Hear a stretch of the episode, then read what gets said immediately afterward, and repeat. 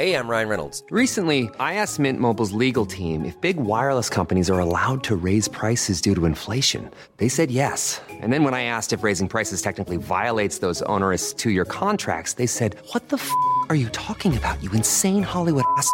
So to recap, we're cutting the price of Mint Unlimited from $30 a month to just $15 a month. Give it a try at mintmobile.com slash switch. $45 upfront for three months plus taxes and fees. Promo rate for new customers for limited time. Unlimited more than 40 gigabytes per month. Slows. Full terms at mintmobile.com.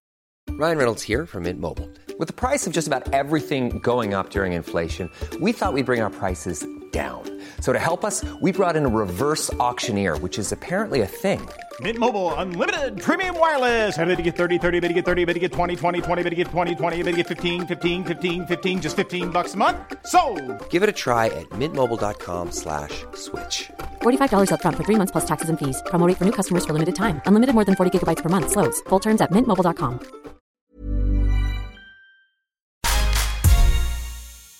Hur skulle du beskriva dig själv? Som barnmorska eller privat? Både Kanske och. både och. Ja. Både och. Ehm, jag är glad, Mm. eh, positiv.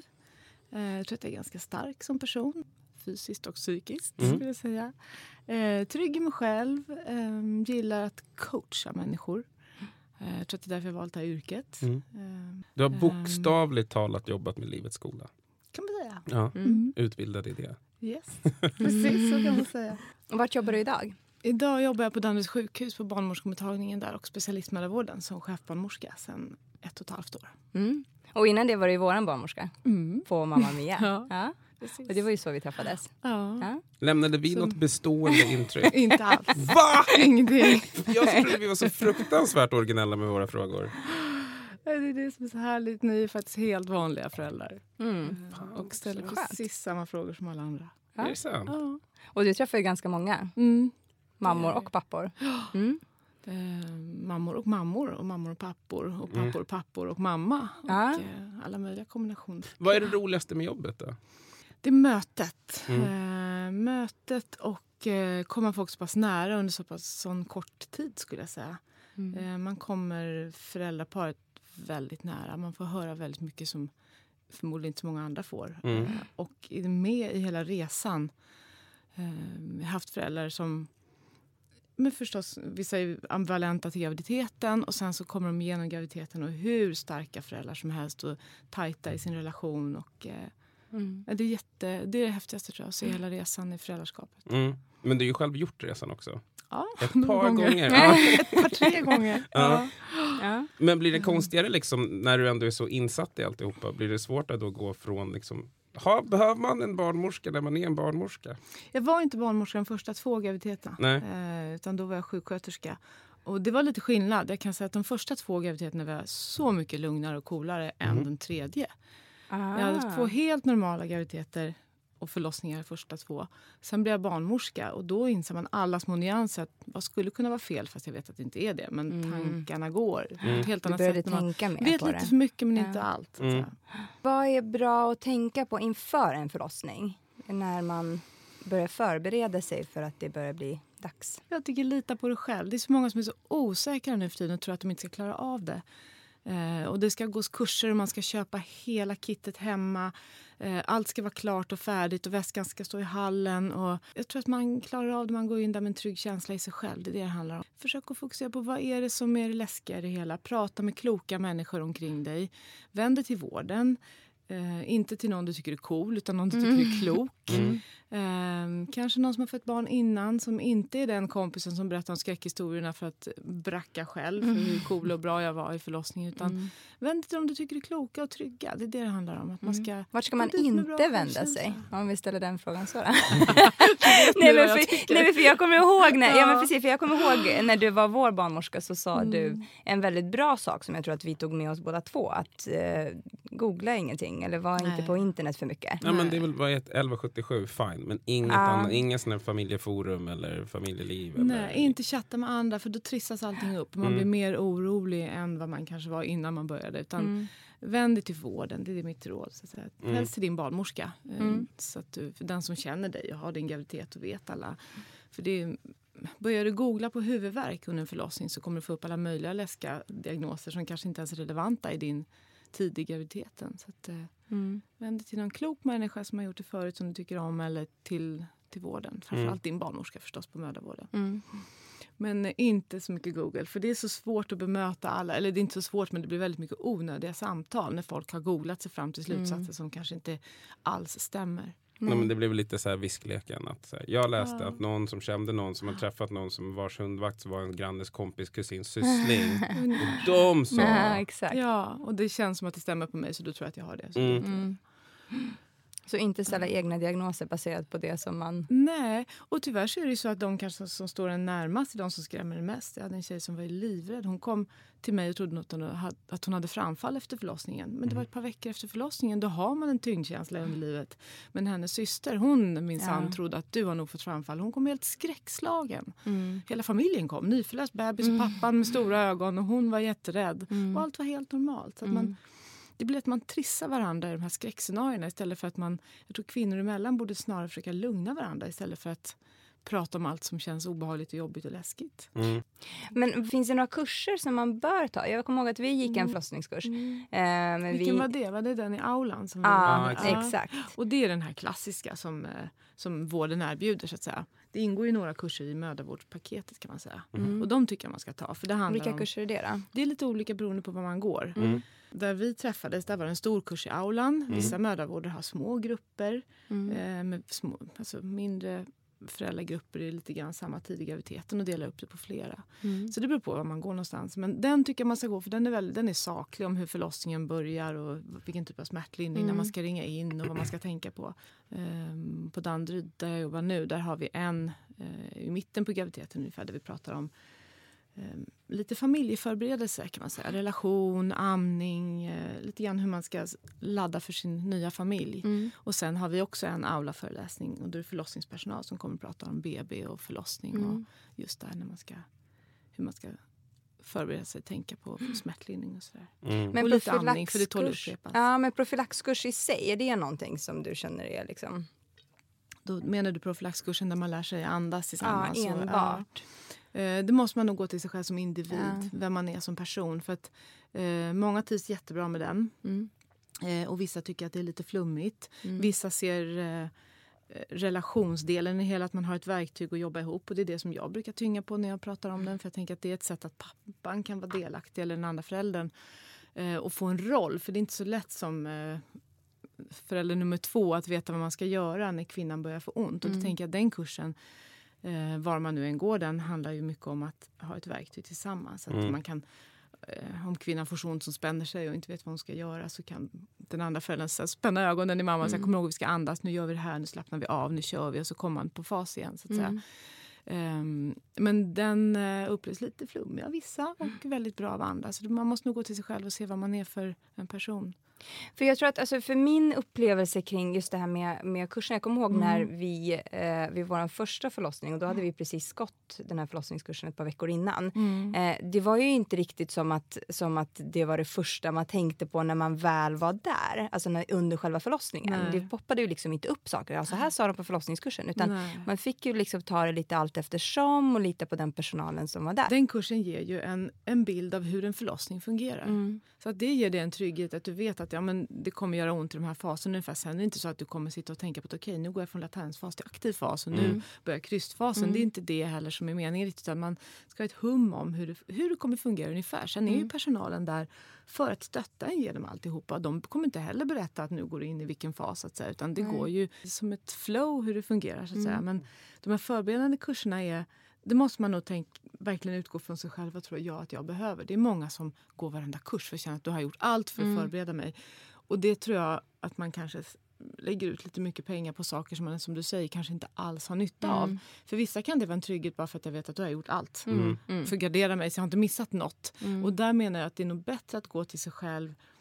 Vem är jag? Vad ska jag bli trygg i? Vilka ska jag prata med som jag känner att jag tycker om? Försök att bli trygg i dig själv istället för att luta dig tillbaka att jag har gått alla kurserna. Mm. Och sen kan man väl lita på personalen för de kommer väl inte ha någon form av läxförhör. Liksom. Nej, men det det Nu är du i... Bara, äh, nej, du får gå ut, ut men på det är det det gatan. handlar om. För att jag, jag kan känna ibland när man läser förlossningsbrev och, och föräldrar beskriver precis hur de vill ha det. Mm. Eh, och det är absolut fine att man går igenom och tänker så här skulle min drömsituation se ut. Men de som jobbar där, de har det som en bas och säga så här är drömsituationen. Sen kan vad som helst hända. Mm. Men man har det som en liten tanke att de här föräldrarna skulle vilja ha det så här. Vi jobbar så mycket vi kan utifrån att ja, det ska bli så här. Eh, men det viktigaste är ju att barnet mår bra, kvinnan Mm. är smärtlindrad, föräldrarna funkar. Eh, att man har det i ryggen. För jag att tänkte precis på det här förlossningsbrevet. Mm. Är det någon som läser det där i andra änden? Alltså men för det, det kändes som att det, vår ja. barn, när vi kom in där så var hon som bara, så har du ett förlossningsbrev där. Hon kan titta på det i typ två sekunder. Mm. Men sen kanske hon hade sett det precis innan. Liksom. Jag vet inte. Men det kändes inte riktigt som att så här, förutsätter, nu jobbar jag inom mödravården, man förutsätter ju att förlossningspersonalen gör det. Och jag tror att de gör det inte kanske inför er och står och läser utan man gör det när man sätter sig, man läser journalen, Mm. man hälsar er välkomna, sen går man och läser journalen och då tar man förlossningsbrevet Mm. också. Så att säga. Men plötsligt, vi skrev inte vi. Du skrev Det är inte så alla som gör det. men verkligen jag skrev ju inte. bara att jag, Jag vill vill ha allt. allt. Ja. Jag vill ha allt. Allt som går att Ja, få. det är bra, då vet Det man tar ungefär två också. sekunder att läsa. Hon bara, hon vill ha allt, okej. Och så vill hon ha allt. Ja. Check. Ja. Nej, men det är där, lita på personalen. Mm. För de, jag säga, de skulle inte vara där om inte de älskade sitt jobb. För förutsättningarna på en sån arbetsplats är inte de bästa som ni kanske också läser i media vet Mm. om. Man sliter ganska hårt på förlossningen. Man skulle inte vara där eh, under de förutsättningarna kanske om man inte älskar sitt jobb och vill göra det bästa för alla föräldrar som Mm. kommer. Eh, för det är ett fantastiskt jobb. Men eh, att då bli misstrodd så att säga, i det här att jag vill inte brista. Det är klart att du inte vill och jag vill inte heller Nej. att du ska brista och vi är här bara för att du inte ska det. Så att Mm. förlossningsbreven, eh, min känsla är att vi vill alla väl. Vi vill Mm. att alla ska få en perfekt förlossning och att det ska gå bra. Man ska vara antingen smärtlindrad eller gå igenom det med bra coaching så man inte behöver smärtlindring. Men Mm. det är det personalen är där för. Så att försök att lita på personalen och försök vara trygg i dig själv när du kommer dit. Till det. Mm. Och kanske inte genom kurser utan genom Mm. att prata med folk. Mm. tänker jag är mer värdefullt. Ett kejsarsnitt är ju mer planerat och det Mm. finns ju olika anledningar till varför man gör kejsarsnitt. Eh, hur ser det, finns det några kurser för de som ska göra kejsarsnitt eller barnmorskan kontakta med? Liksom, hur ser den lilla processen ut? Om vi bara kan ta det Eh, lite Processen kring kort. snitt är ju väldigt olika beroende på varför. Mm. Eh, det blir ju vanligare och vanligare tyvärr med att folk är förlossningsrädda. Mm, okej. Eh, och då erbjuder vi mödravården erbjuder vi samtal hos en förlossningsbarnmorska Mhm. för att försöka få rätsida på varför man är rädd. Mm. Tanken är att man ska trygga föräldrarna, inte övertyga, eller inte övertala utan övertyga föräldrarna om att det är bättre med vaginal förlossning. Eh, kommer man inte dit fram så får man väl i så fall ta, då får man ett läkarbesök och så man besluta om ett snitt är bättre för den här kvinnan. Eller så säga, hur man ska ta ställning till det. Mm. Så att processen där är inte, det blir ingen undervisning utan det blir snarare ett samtal med en barnmorska som man pratar om för och nackdelar med de olika sätt, förlossningssätten. Mm. Eh, och man kan få kuratorskontakt, man kanske har varit med om någonting. Eller framförallt, är det rädsla för smärta? Mm. Är det rädsla för att något ska hända? Är det rädsla för barnet eller för mig själv eller för bristningar? Och då får man ta i lugn och ro samtal utöver de vanliga mödravårdskontrollerna med en samtalsbarnmorska som som lite grann kartlägger Mm. vad rädslan är och försöker komma till rätta med det. Förhoppningsvis får kvinnan till vaginal förlossning. Men är det så panikslaget att man verkligen inte känner att man klarar av det så får man ett samtal med en läkare och så kanske man kommer fram till att det blir ett snitt istället. Mm. Och då har man fått ganska mycket prat och undervisning Mm. under tiden. Och innan det här planerade snittet så får man en inskrivning med narkosläkare och barnmorska och så som man sitter och pratar igenom också. Så att det blir, man behöver inte så mycket undervisning egentligen om man kommer fram till ett planerat snitt på grund av rädsla. Det ett akut snitt så hinner man inte med det. Men Nej. just de planerade snitten Men de planerade sig. snitten kan ju också bero på andra anledningar Mm. som medicinska orsaker och så. Ja, Ja. absolut. Om bebisen till exempel har rumpan ner, sätesläge, så då bokar man in för vändningsförsök först. Vissa vill inte ens göra vändningsförsök eh, och få bebisen att snurra för att man har hört att det är obehagligt och sådär. Men Ja. man går alltid dit och där och då tar man diskussioner om man ska försöka vända barnet.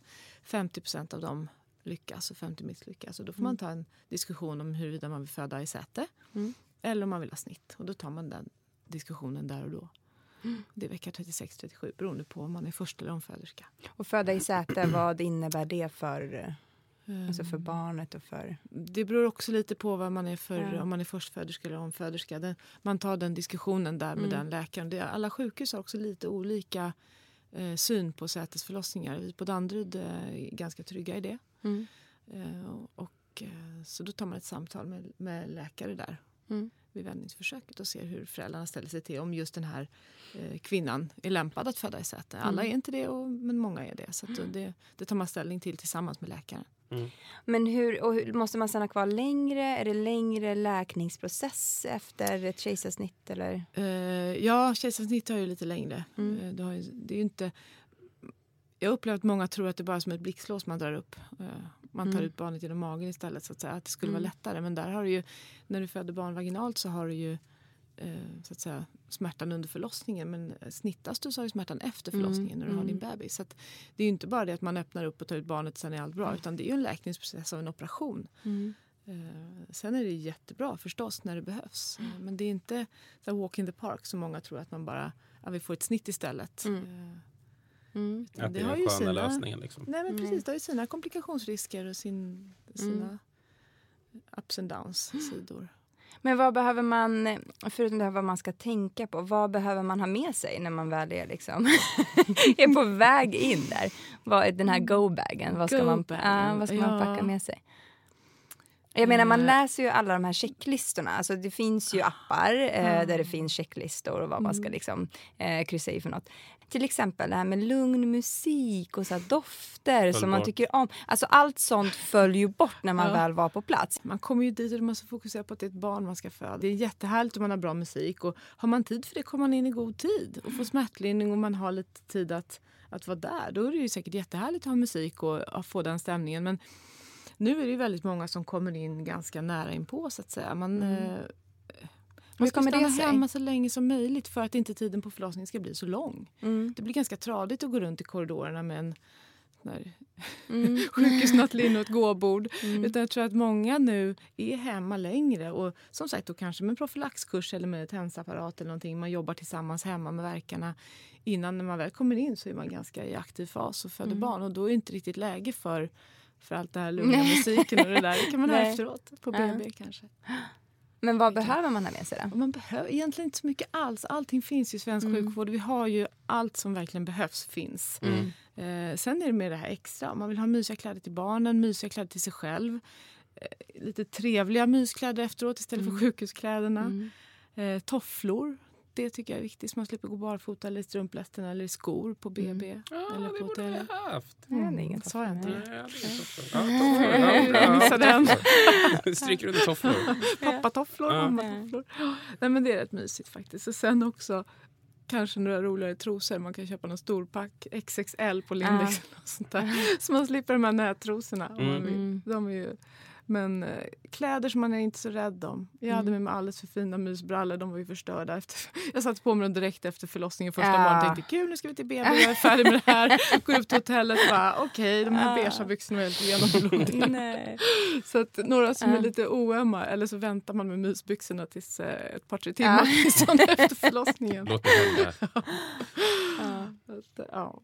Mysiga kläder till bebisen. Mm. Det finns sjukhuskläder också men de är inte så kul. Så att, eh, det som man tycker är mysigt. Men det här med amningen just Mm. efter förlossningen, för jag kommer ihåg att det var ju någonting som vi blev rätt så matade med. Det var Mm. väldigt viktigt att barnet satte igång och amma inom, vad blir det, 24 timmar? Annars Ja. så, Eh, man vad säger händer? att Ja, vad händer? Eh, bebisen får ju första mjölken så den, den är jättefet. Det är som ett smörpaket. Mm. Eh, så det är världens energiboost för bebisen. Så ammar bebisen på förlossningen så kan man lämna i 24 timmar Mm. och sova själv om man kan. Det är inte så många mammor som kan. Papporna Mm. brukar slockna. Direkt. Mammorna, ja, jag vet. det är så- Två sekunder sen. Ja.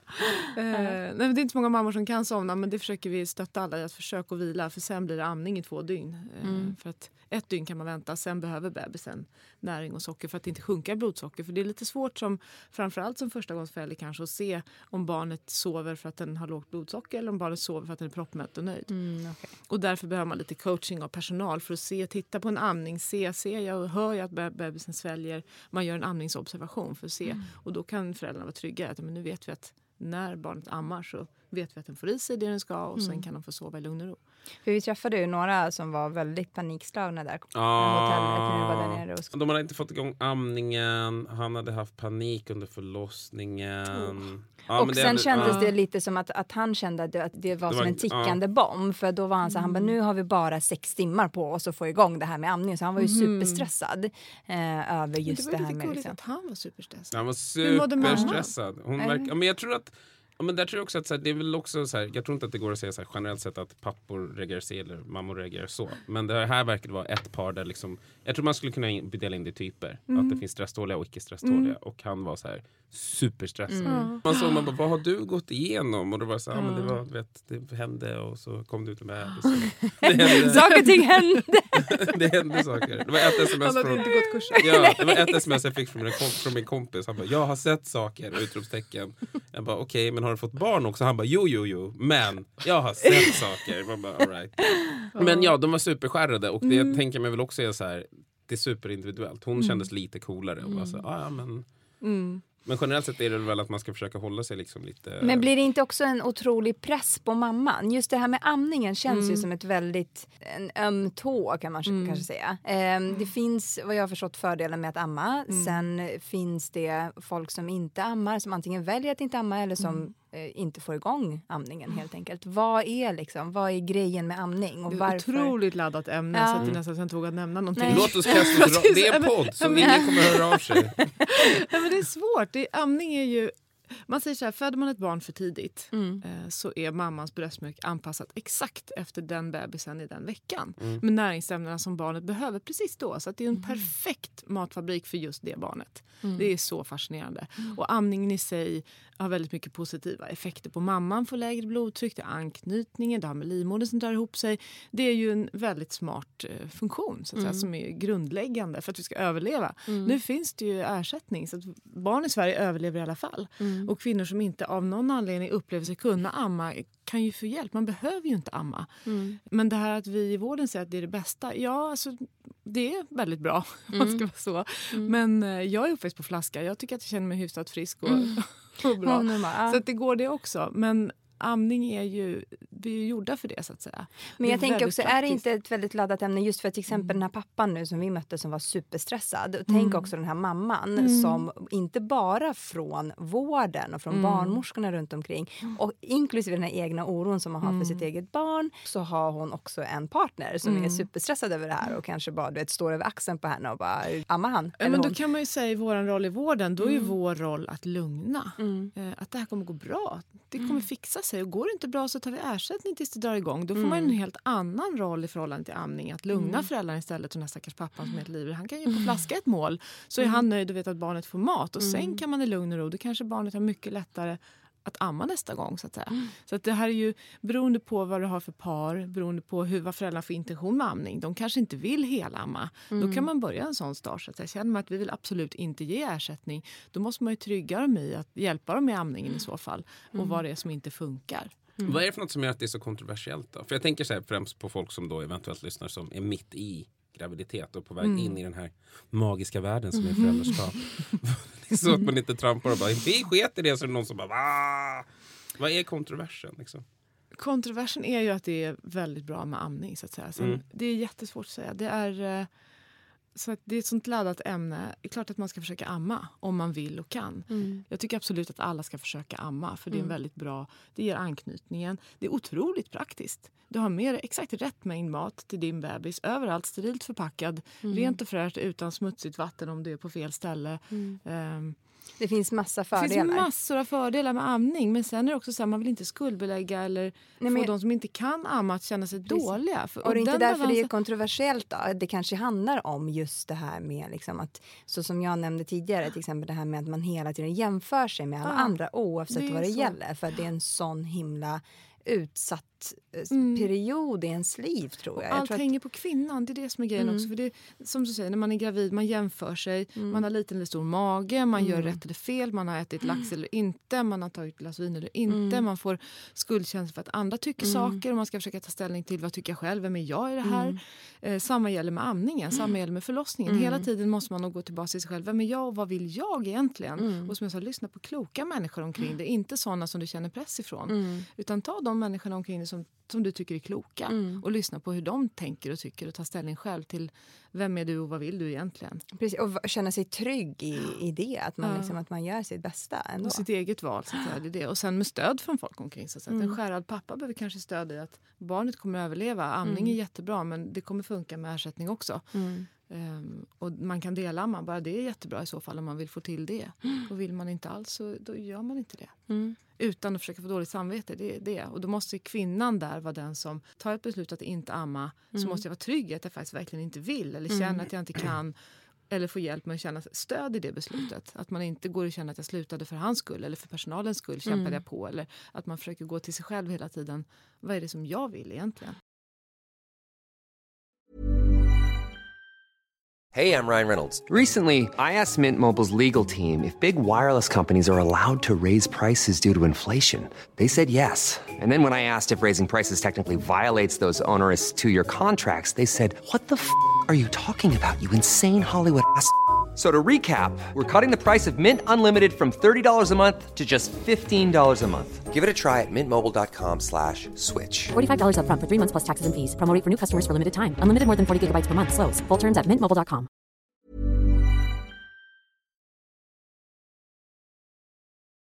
Hur förbereder man sig på livet med ett barn? Det är ju så många saker som händer just de här första dygnen. Också väldigt individuellt. Alla föräldrar är så olika. Mm.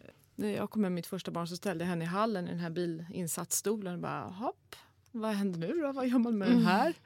Eh, Men det löser sig ju. Så att säga. De säger till vad de vill och inte. Och Jag tycker tiden efteråt går så i ett. Man hinner inte så mycket eh, tänka på hur man skulle gjort och varför. Utan det rullar ju på. Barnet säger vad de vill. Och man upplever att man inte ens hann borsta tänderna på morgonen för att man hade fullt upp med den lilla bebisen. Eh, Så att, ehm, att förbereda sig inför det är nog återigen, jag återkommer, så prata med dem du tycker om, de som, är, de som du känner har vettiga värderingar, eh, har den syn på barn och uppfostran som ni har.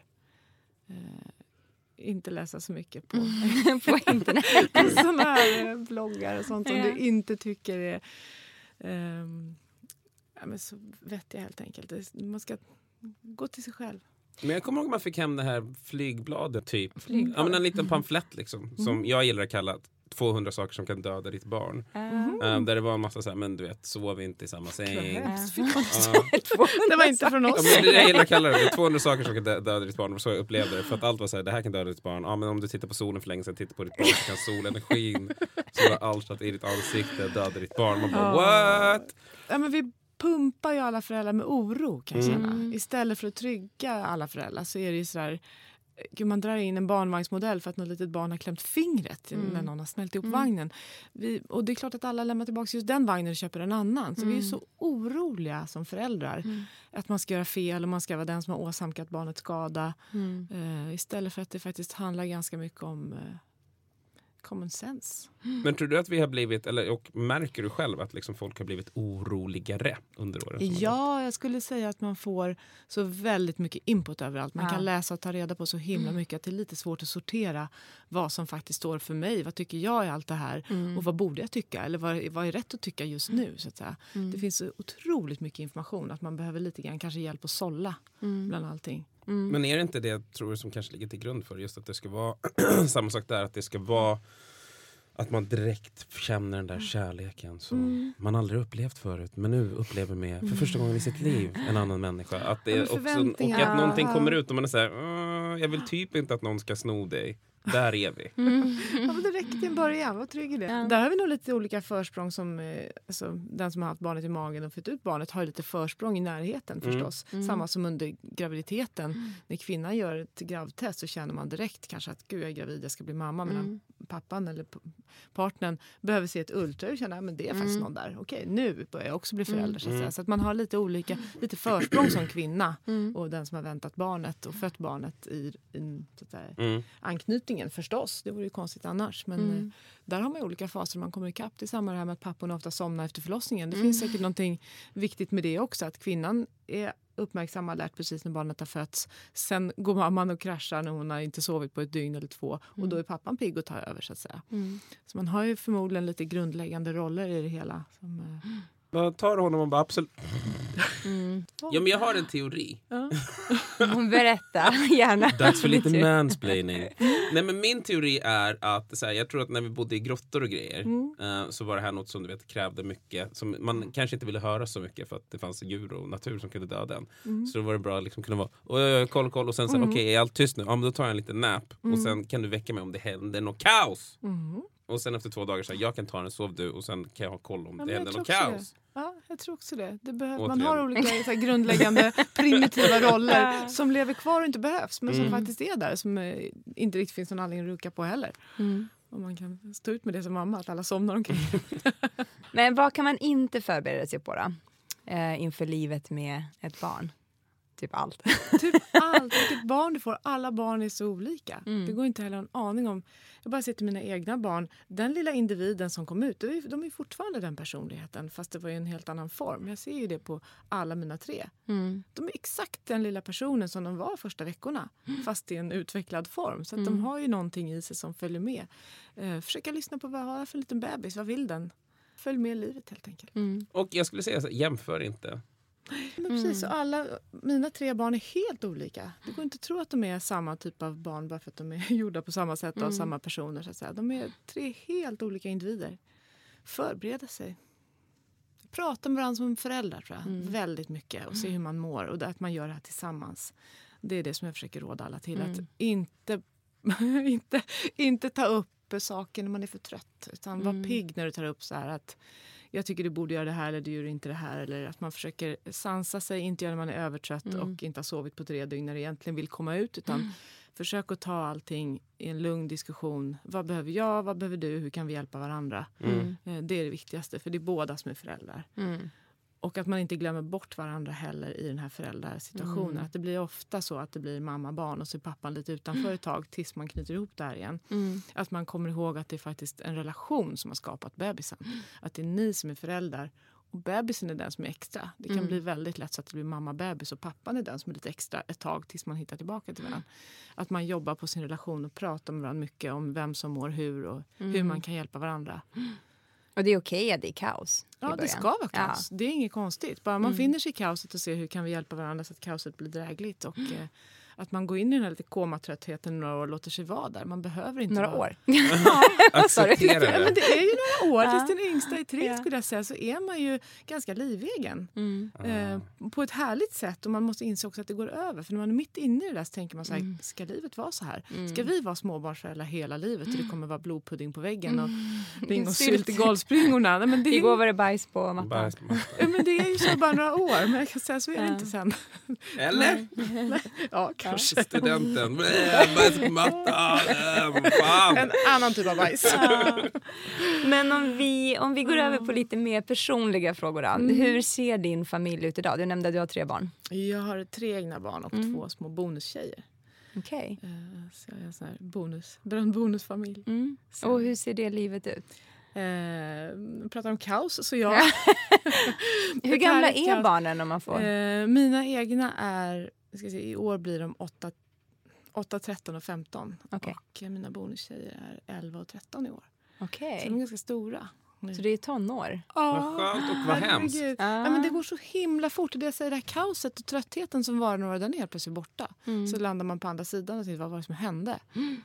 Så att, nej, men de är stora. När vi flyttade ihop med de här barnen, det är tre år sedan, Mm. eh, då var det ganska rörigt. För då är det rätt många relationer och man ska vara trygg i sina egna barn och försöka få in de andra barnen och alla ska lära känna Mm. varandra. Och vem får mest tid? Vem får minst tid? Mm.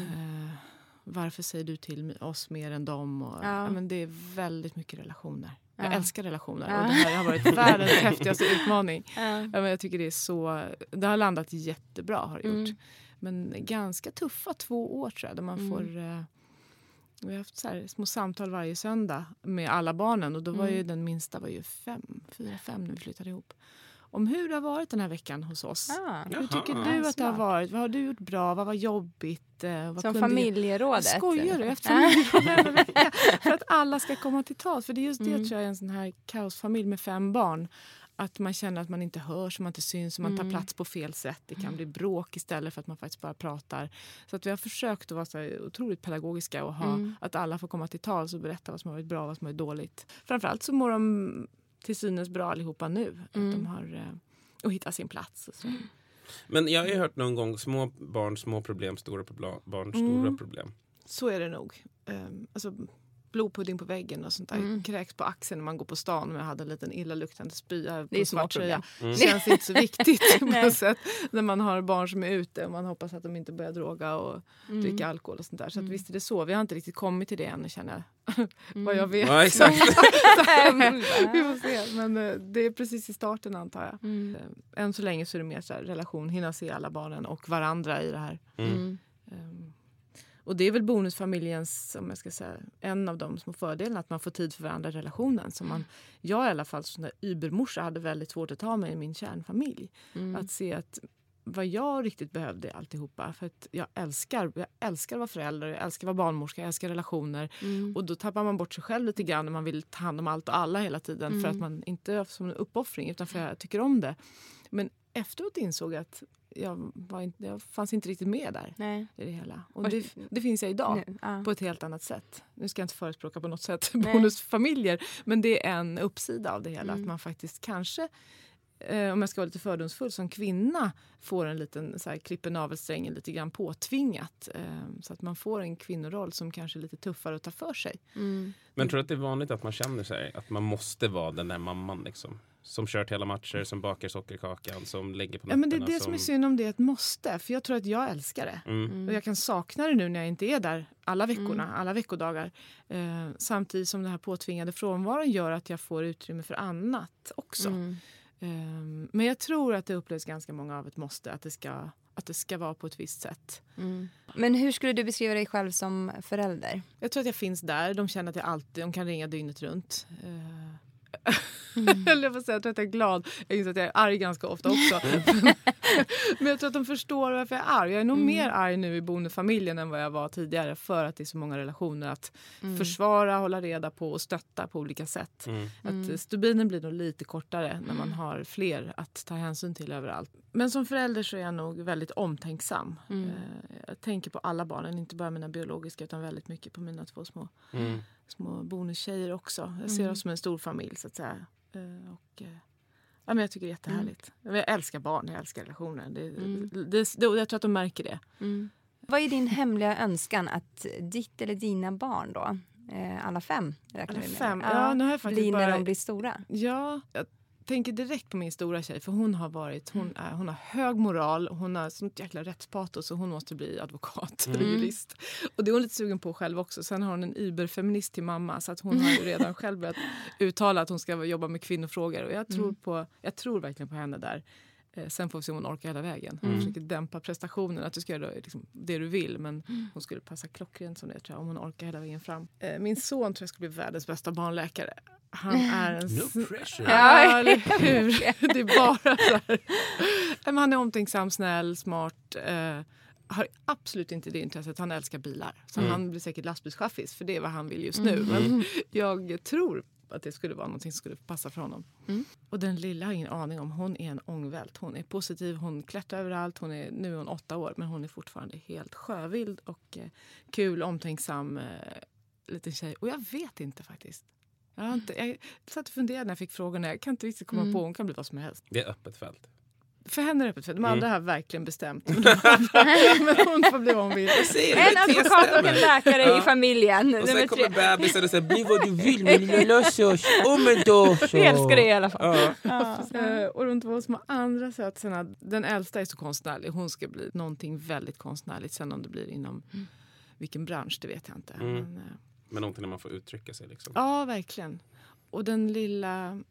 Alexis lilla tjej, hon är skärpt, smart liten gummiboll. Lite grann, hon och min lilla är så tajta. Och de två är lite oförutsägbara. För de är lite snabba i huvudet, lite, lite överallt ska jag säga. De har jag lite svårare att sätta, sätta in i box. Det låter som enkelt. början på ett par superhjältar kanske. Ja, Precis. bara- Eh, vilket är det konstigaste rådet du fått från dina egna föräldrar slash främlingar vad gäller föräldraskap? Det finns ju folk på bussen som Ja. kommenterar att man har napp. Eh, sånt tycker jag. Så här, bara, bara överhuvudtaget folk lägger sig i ens föräldraskap har jag lite svårt för. Mm. Sköter själv och skit i andra. Mm. Mina stora barn var imponerade en gång när jag sa till en gubbe som kommenterade hur jag hanterade min lilla tjej. Vi var, då var jag ensamstående och skulle ner och handla. Och min lilla tjej var lite skrikig och grinig. Och jag tänkte så här, men låt henne hållas. Hon är världens mest pigga, glada. Det här är ett litet, hon spårar ur just nu men det är Mm. fine för hon är så klockren annars.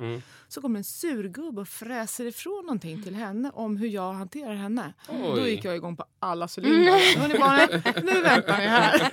Bara, Värsta tigermorsan. Ja, jag sprang efter gubben och bara, men vad var det du just sa till mig? Vad var du sa min dotter?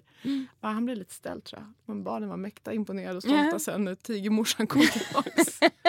Vi bodde i samma hus, det blev lite obekvämt senare. Åh nej, det var en granne Men också. kom, ja, jag visste, men han var en surgubbe. Annars skulle han inte gjort sådär. Nej. Eh, men vad är det konstigaste rådet? Konstigaste råd jag, fick ett råd en gång innan jag var gravid. Jag förlorade min bror. Så var det de här föräldrars kompisar som sa nu måste du skaffa barn. Jag sa, men vänta, jag förstod inte Mm. kopplingen överhuvudtaget. Så det är den grejen som har satt sig som att men varför ska jag skaffa barn just nu bara för att jag förlorat en bror? Och vad har du med det att göra överhuvudtaget? Låt mig vara kände jag. Det var, det var ett helt annat mood förstås än att börja producera barn när jag förlorat en bror. Sen visade det sig faktiskt, vilket var lite fascinerande, jag var, jag var gravid. så, jag var gravid just då. Men jag blev verkligen ställd över, över uppmaningen att nu ska du skaffa barn. Och vadå skaffa barn? Vad vet hon om jag hade försökt att skaffa barn i flera år och inte kunde? Det var väldigt konstigt mitt i en sorg att få en sån grej som hade kunnat bli ännu värre om det var så att jag hade svårt att få barn. Så att, eh, man ska vara lite försiktig med att kommentera andras föräldraskap. Eh, nämn en kommentar du fått under din graviditet eller föräldraresa som fått dig att vilja ge någon en käftsmäll. Ja, Men den kommentar som jag kommer ihåg, det var, jag var, på, det var mitt första barn och jag var på en fest på eh, alltså due date när jag skulle födas, var på en 30-årsfest. Eh, och det var färgtema, man skulle vara röd eller rosa för den här tjejen var verkligen färg, eller är verkligen färgstark. Så jag hade på mig ett rött fodral och en knallrosa sjal över magen. Ganska synlig med min stora höggravida mage. Eh, och då hade jag blivit placerad bredvid en nybliven pappa för den här tjejen tyckte det var kul för jag var först ut lite grann. Eh, och den här pappan blev så engagerad i mig och min förlossning och började ta mig på magen och undrade om jag hade fått sammandragningar. Och jag kände så här, för mig kändes det lite grann som att men vänta nu pratar du om mitt kön. Hands off verkligen, för det kändes så intimt. Och för honom var det ju bara verkligen det var en omtanke, han tyckte det var kul. Här är en tjej som är, ska få barn och han visste precis vad han pratade om förmodligen för han hade just varit med om alla de här sammandragningarna och förverkarna. Men för mig blev det väldigt obekvämt. Men en man som jag inte känner som börjar känna på min mage och frågar om jag har sammandragningar i min tajta klänning. Jag skulle säga så här, om du inte generellt sett går fram och bara tar folk på magen, gör inte bara för att det råkar finnas en bebis där inne. Bara rör inte en människa. Men det är ju folk. lite, alltså bara på det spåret, det är ju lite som att när man blir gravid och eh, även blir förälder så, så finns liksom inte du längre. Du har inte rätten till din egen kropp utan det är någon annan som bor. Alltså det är liksom folk får komma fram och liksom ta på dig. Och Och, det kommentera lite så, hur du ser ut. Ja, vad exakt. stor du är, vad liten du är. Eller, och d- vilket jag känner på mödravård, man får ofta kommentarer från tjejer att de får höra att de är små eller stora. Eh, och vad det träffar rakt in i hjärtat. Även om man då visar på den här kurvan som vi har. Att du tar med den här kurvan så trycker du upp den i ansiktet på den här människan som säger på jobbet att du är liten eller stor. Så för att du är perfekt. Liksom, hur man försöker stötta kvinnor. Men folk tar sig rätt att kommentera gravida kvinnor. beskriv den bisarraste biverkningen du haft under din graviditet. Och då är jag så präktig att jag hade liksom inga. Nej. Jag har haft tre jättebra graviditeter, vilket är ju lite orättvist. Nej, men jag, det där är nog lite knepigt, för jag kan ju alla de här, så att säga, alla graviditetskomplikationerna kan jag ju så att säga, och jag vet att kra- vadkramp får man ju också. Det är inget konstigt, men jag råkade få det just på en möhippa, en trång båthytt mitt i natten. Jag kunde inte liksom komma ut för att jag låg där med min kramp och mina Men kompisar. kräm så att det, liksom, det bara sitter forever? Nej, men du får ju sån jäkla kramp så du kan inte röra dig. Det bara verkar som... Eh, och då måste man ju upp och röra på sig för att få loss krampen. Och det var inte riktigt läge i den där Nej. hytten. Men det är också en helt vanlig graviditetskomplikation. Så att jag har verkligen inte haft någonting konstigt. Vad var din första tanke då när du såg ditt nyfödda barn? Ditt första barn? Mitt Eh, första barn. ja. Hon var ju mörkhårig och hade sneda ögon och var tillverkad i Thailand. Så att min första tanke var att tur att jag vet att, vem som är pappa här. hon såg ut som en liten mohikan verkligen. Eh, och pappan är finne. Så att, eh, det var ju inte riktigt. Men hon är väldigt lik sin pappa idag. Tack Okej, och lov. så det förändrades. Just då var det lite så här, Ja. hmm, det här känns ju inte helt bra. Vad var det roligaste under förlossningen? Fanns det något roligt som hände som du minns än idag?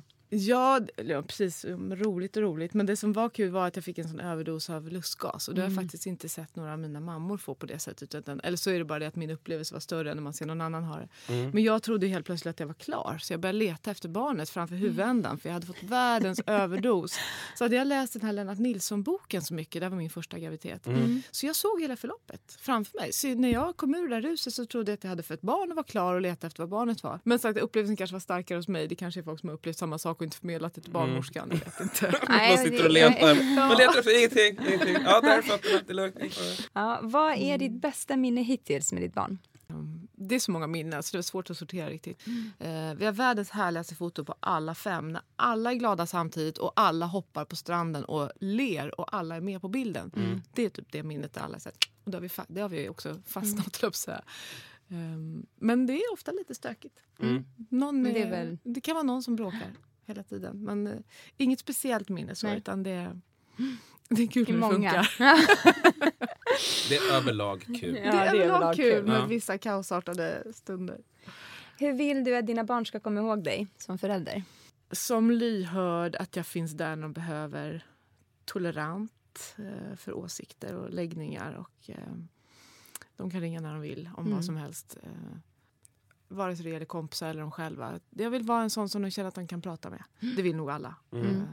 Och om du skulle gå tillbaka till innan du fick barn Mm. och ge dig själv ett råd, vad skulle det vara?